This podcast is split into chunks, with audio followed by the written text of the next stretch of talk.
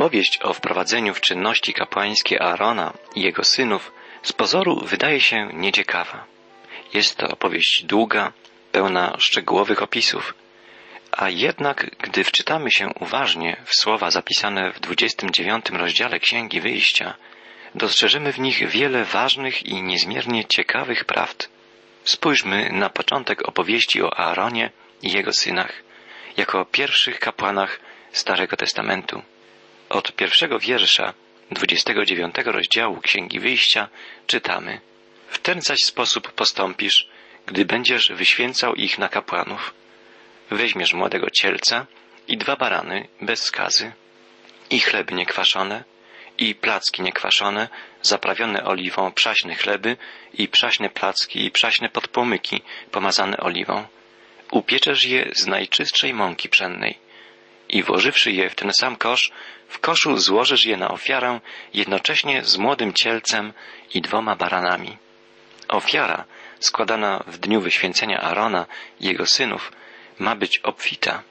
Młody cielec, dwa barany i chleb ze specjalnie przygotowanymi wypiekami mają być złożone w ofierze równocześnie. Ta ofiara będzie przebłaganiem za grzechy kapłanów, którzy są przecież normalnymi, niedoskonałymi ludźmi. Muszą być uświęceni, oczyszczeni. Czytamy dalej. Aaronowi zaś, jego synom, rozkażesz zbliżyć się do wejścia do namiotu spotkania i obmyjesz ich wodą. Obmycie wodą symbolizuje oczyszczenie, przemianę. W Nowym Testamencie, w liście apostoła Pawła do Tytusa czytamy, iż Bóg zbawił nas nie dla uczynków sprawiedliwości, które spełniliśmy, lecz dla miłosierdzia swego, przez kąpiel odrodzenia oraz odnowienie przez Ducha Świętego. Tak, czystymi i zbawionymi możemy być nie dzięki własnej sprawiedliwości, nie dzięki własnym zasługom, ale dzięki Bożemu miłosierdziu, dzięki temu, że On, jedynie On, może i pragnie nas oczyścić, że On pragnie naszego zbawienia. Aaron i jego synowie nie byli wcale innymi, lepszymi od nas ludźmi. Tak samo jak my potrzebowali Bożego przebaczenia, Bożego oczyszczenia. Spójrzmy, jakie dalsze polecenia otrzymał Mojżesz co do swego brata Arona i jego synów. Czytamy od wiersza piątego. Potem weźmiesz szaty i ubierzesz Arona w tunikę, w suknię, w efod, w pektorał i przymocujesz go przepaską efodu. A włożywszy mu tiarę na głowę, umieścisz święty diadem na tiarze. Następnie weźmiesz olej do namaszczenia i wylejesz go na jego głowę i namaścisz go. Synom też jego każe się przybliżyć i ubierzesz ich w tuniki oraz przepaszesz ich pasem i okryjesz głowy ich mitrami i będzie należało do nich kapłaństwo na mocy nieodwołalnego prawa. I wprowadzisz Aarona i jego synów w czynności kapłańskie. Aaron jego synowie mają być ubrani w stroje kapłanów. Aaron ma być namaszczony olejem symbolizującym obecność Ducha Świętego. Ma być więc poświęcony Bogu, namaszczony na Bożego sługę. Zwróćmy uwagę, że nie liczą się tu jakieś zasługi Arona, ale Boży wybór. Nie liczą się tyle talenty, uzdolnienia, czy jakieś szczególne predyspozycje Arona, ale Boże miłosierdzie, Boża łaska. Bóg ma moc, żeby nas przemieniać. Bóg ma moc, by nas oczyszczać. Bóg ma moc, by nas zbawiać. Tylko dzięki Jego łasce możemy zostać Jego własnością i Jego sługami. Hebrajskie słowo, które występuje w oryginalnym tekście Starego Testamentu, gdy mowa jest o wyświęceniu kapłanów, znaczy właściwie napełnić ręce. Napełnić ręce Arona i jego synów. Drogi słuchaczu, i nasze ręce muszą być napełnione przez Boga, byśmy mogli Mu służyć. Nie jesteśmy w stanie sami z siebie nic pożytecznego dla Boga uczynić. Musimy wyciągnąć ręce, by Bóg je wypełnił swoimi darami, żebyśmy mogli obdarzać innych. Naszą modlitwą powinny być słowa znanej pieśni. Nie mam nic, co bym mógł Tobie dać. Nie mam sił, by przed Tobą, Panie, stać.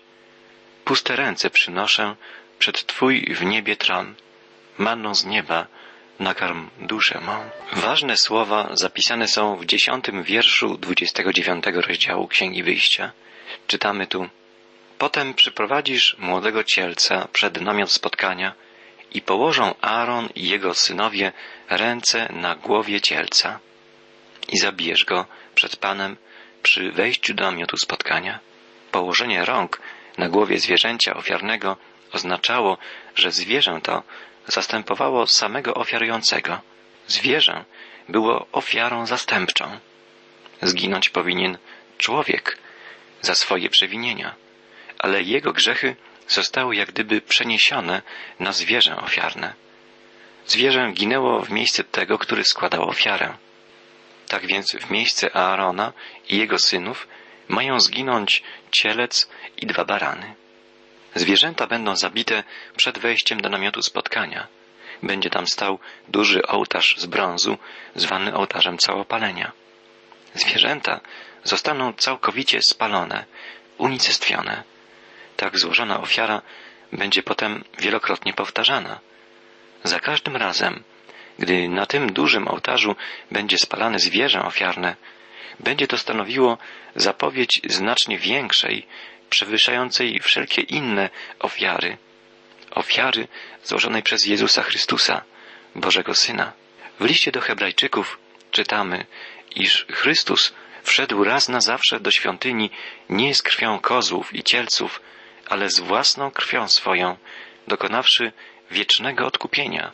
Bo jeśli krew kozłów i wołów przez pokropienie uświęca skalanych i przywraca cielesną czystość, o ileż bardziej krew Chrystusa, który przez Ducha Wiecznego ofiarował samego siebie bez skazy Bogu, oczyści sumienie nasze od martwych uczynków, abyśmy mogli służyć Bogu żywemu. Tak świadczy autor listu do Hebrajczyków. Ofiary, które były składane w związku z rozpoczęciem przez Aarona służby kapłańskiej, zapowiadały więc tę jedyną skuteczną ofiarę Bożego Syna, ofiarę przynoszącą nam zbawienie i uzdalniającą nas do służenia Mu, do służenia, pomyślmy, żywemu Bogu. Ofiara złożona z młodego cielca w dniu konsekracji Aarona i jego synów była zwana ofiarą za grzech lub ofiarą przebłagalną. Była ona zadośćuczynieniem za grzech rozpoczynających służbę kapłanów. Natomiast inne znaczenie miała ofiara złożona z dwóch baranów. Czytamy dalej od wiersza piętnastego. Weźmiesz następnie pierwszego barana i położą Aaron i synowie jego ręce na głowie tego barana. I zabijesz potem tego barana, a wziąwszy nieco jego krwi, pokropisz ołtarz dokoła i podzielisz barana na części i obmywszy wnętrzności jego i nogi, położysz je na innych jego częściach na głowie i spalisz całego tego barana na ołtarzu. Jest to ofiara całopalenia dla Pana, miła woń, ofiara spalana dla Pana. Pierwszy baran stanowił ofiarę całopalną. Jego krwią skropiono ołtarz, na którym potem spalano go w całości. To obraz dzieła Jezusa Chrystusa na krzyżu Golgoty. On przelał na krzyżu swą krew, oddał tam dla nas swoje życie. Spójrzmy, jak ofiarowano drugiego baranka. Czytamy, a potem weźmiesz drugiego barana. Aaron zaś i jego synowie włożą ręce na jego głowę i zabijesz barana, a wziąwszy nieco jego krwi, namaścisz nią wierzch prawego ucha Arona i wierzch prawego ucha jego synów i duże palce ich prawej ręki i nogi i pokropisz krwią ołtarz dokoła. I weźmiesz nieco krwi, która jest na ołtarzu i oleju do namaszczenia i pokropisz Arona i jego szaty i jego synów i ich szaty, aby był poświęcony razem ze swymi szatami, a z nim także jego synowie i szaty jego synów. Aaron jego synowie zostali pokropieni, a więc niejako przykryci krwią baranka. My, jako własność Chrystusa, jesteśmy dziś przykryci, osłonięci krwią Zbawiciela, Bożego Syna. Jak czytaliśmy, krwią zostały namaszczone prawe ucho oraz duży palec prawej ręki i nogi Aarona i jego synów.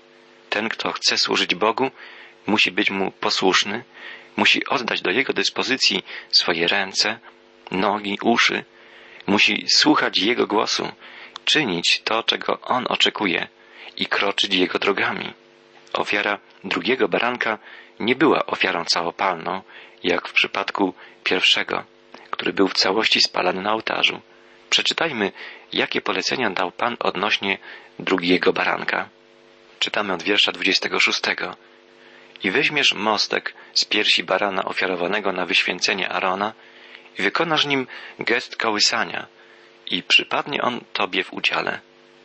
Jako rzecz świętą oddzielisz mostek kołysany i łopatkę podnoszoną. I to, co było kołysane i co było podnoszone z barana jako ofiary wyświęcenia oraz co się należy Aaronowi i co się należy jego synom. Mostek wyjęty z piersi zwierzęcia i łopatka to części mięsa, które przypadało kapłanom jako ofiara biesiadna. Aaron, jego synowie, a potem wszyscy następni kapłani mieli spożywać łopatkę i mostek zwierzęcia ofiarnego. Jednak wcześniej mieli wykonać nimi gest kołysania i podnoszenia, inaczej potrząsania. Był to szczególny obrzęd. Kapłan kołysał mięsem zwierzęcia ofiarnego w górę i ku sobie, co było gestem błagania o Bożą łaskę. Jeśli pomyślimy, że każde zwierzę ofiarne zapowiadało ofiarę Jezusa Chrystusa i że łopatka i mostek zwierzęcia to odpowiednik ramienia i piersi człowieka, dostrzeżemy wspaniały obraz, symboliczny obraz dzieła Mesjasza Chrystusa, który złożył w ofierze samego siebie, by nas ratować. Ramię symbolizuje Jego moc, a pierś Jego miłość. Mamy wspaniałego Zbawiciela, który nas kocha i dzięki swej potężnej mocy ratuje nas, oczyszcza, zbawia. To cudowny przejaw Bożej łaski, najwyższy dowód Bożej miłości. Radujmy się i chwalmy Boga, gdyż tak umiłował On świat, że posłał do nas swego jedynego Syna, aby każdy, kto w Niego wierzy, nie zginął, ale miał wieczne życie. W końcowej części 29 rozdziału Księgi Wyjścia czytamy, że ofiara z baranków ma być składana przez kapłanów ustawicznie. Od wiersza 38 czytamy A oto z czego będziesz składał ofiarę. Dwa roczne baranki codziennie i ustawicznie. Jednego baranka ofiarujesz rano, a drugiego ofiarujesz o zmierzchu. Ofiara ustawiczna opisana jest dokładniej w trzeciej księdze Mojżeszowej, czyli w księdze kapłańskiej. Będziemy mówić o niej szczegółowo później. Teraz podkreślmy to, co najistotniejsze. Codziennie, rano i wieczorem na ołtarzu całopaleń musiał być złożony w ofierze młody baranek. To miało przypominać wszystkim, że w ich miejsce, z powodu ich grzechów, musi być złożona ofiara zastępcza, musi zostać przelana krew. Codziennie. Zapłatą za grzech jest śmierć. Człowiek jako grzesznik musiałby umrzeć, musiałby być przez Boga osądzony i skazany na wieczne potępienie. Ale dzięki krwi ofiary zastępczej pokutujący grzesznik może być ocalony. Czy chodzi tu o krew baranków, krew kozłów lub cielców? Nowy Testament odpowiada na to pytanie. Nie pozostawia nam żadnych wątpliwości. W liście do Hebrajczyków czytamy, iż Chrystus wszedł raz na zawsze do świątyni nieba nie z krwią kozłów i cielców, ale z własną krwią, dokonawszy wiecznego odkupienia. I autor listu podkreśla, Chrystus nie wszedł do świątyni zbudowanej rękami, która jest odbiciem prawdziwej, ale do samego nieba, aby się wstawiać teraz za nami przed obliczem Boga. I nie dlatego, żeby wielokroć ofiarować samego siebie, podobnie jak arcykapłan wchodzi do świątyni co roku z cudzą krwią, gdyż w takim razie musiałby cierpieć wiele razy od początku świata. Ale obecnie pojawił się on jeden raz u schyłku wieków dla zgładzenia grzechu przez ofiarowanie samego siebie. Biblia nie pozostawia więc żadnych wątpliwości, komu zawdzięczamy zbawienie. Nie tylko my, ale także ludzie żyjący w czasach Starego Testamentu oraz wszyscy ci, którzy będą żyli jeszcze w przyszłości, aż do powtórnego przyjścia Chrystusa, Zbawieni mogą być jedynie dzięki mocy Jego krwi, przelanej za nas, grzeszników, na krzyżu Golgoty. Krew zwierząt ofiarnych była tylko zapowiedzią. Rzeczywistością jest krew Jezusa. On raz na zawsze dokonał przebłagania za nasze grzechy, zapłacił cenę za nasze winy. Trzymajmy się wiarą Zbawiciela, byśmy mogli żyć, żyć wiecznie u Jego boku. Cytowany przez nas fragment listu do Hebrajczyków kończy się obietnicą. Czytamy: Chrystus, raz ofiarowany, aby zgładzić grzechy wielu, drugi raz ukaże się nie z powodu grzechu, lecz ku zbawieniu tym, którzy go oczekują. Słowa kończące 29 rozdział Księgi Wyjścia są wspaniałe. Czytamy: I będę mieszkał pośród Izraelitów, i będę im Bogiem, i poznają, że ja, Pan, jestem Bogiem, Bogiem, który wyprowadził was z ziemi egipskiej i mieszkał pośród was. Ja, Pan, wasz Bóg. Jest to wspaniała obietnica. Bóg będzie mieszkał pośród Izraelitów, ale warunkiem spełnienia tej obietnicy jest posłuszeństwo ludu izraelskiego. Izraelici muszą słuchać głosu Boga, muszą postępować tak, jak poleci im Pan. Następny, trzydziesty rozdział Księgi Wyjścia zawiera właśnie kolejne polecenie Pana. Polecenie odnoszące się do służby w namiocie spotkania. Ta niezwykła świątynia była, jak już niejednokrotnie mówiliśmy, znakiem obecności Boga pośród swego ludu, zapowiedzią nadejścia Mesjasza, Chrystusa, w którym Bóg zamieszka pomiędzy wierzącymi. Wystrój świątyni, jej kolorystyka, przedmioty kultu w niej się znajdujące, wszystko to symbolicznie zapowiadało postać Chrystusa. Nie inaczej jest w przypadku ołtarza kadzidlanego, o którym czytamy od początku 30 rozdziału Księgi Eksodus. Potem wstawisz ołtarz z drzewa akacjowego dla spalania kadzidła. Jego długość będzie wynosiła jeden łokieć i jeden łokieć jego szerokość. Będzie kwadratowy. O wysokości będzie miał dwa łokcie i będą wychodziły z niego rogi. I przykryjesz go szczerym złotem, jego wierzch i jego boki dokoła i jego rogi uczynisz na nim złoty wieniec dokoła. Poniżej zaś wieńca na dwóch bokach uczynisz dwa pierścienie na drążki, celem przenoszenia go na nich. Na złotym ołtarzu kadzidlanym nie były składane ofiary zwierzęce, tak jak na wielkim ołtarzu całopaleń, stojącym na dziedzińcu przed wejściem do przybytku. Ołtarz kadzidlany był znacznie mniejszy, wysoki na metr, o podstawie pół metra kwadratowego. Ołtarz ten stał w miejscu świętym przybytku, przed zasłoną oddzielającą miejsce święte od najświętszego, gdzie stała skrzynia przymierza. Na ołtarzu kadzidlanym mogło być spalane jedynie specjalnie przygotowane kadzidło. Co przedstawia to kadzidło? Możemy wnioskować e, o tym ze słów Psalmu 141, gdzie zapisane jest wołanie Dawida Niech wznosi się ku Tobie modlitwa moja jak kadzidło a także ze słów Księgi Apokalipsy, gdzie w ósmym rozdziale czytamy Przyszedł anioł i stanął przy ołtarzu, mając złotą kadzielnicę i dano mu wiele kadzidła, aby je ofiarował wraz z modlitwami wszystkich świętych na złotym ołtarzu przed tronem. A więc kadzidło ma związek z modlitwami wierzących, z dziękczynieniem, chwaleniem, wielbieniem Pana przez Boży lud.